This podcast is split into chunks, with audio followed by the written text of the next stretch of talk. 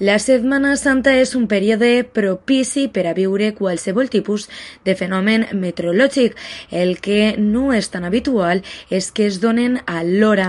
Això és el que va ocórrer a la nit del dissabte i el llarg del diumenge a la província, a conseqüència de les fortes ratxes de vent i uns termòmetres tan baixos a l'interior que fins i tot van veure l'aparició d'una fina nevada amb la col·laboració de la Conselleria d'Educació, Cultura i Esport.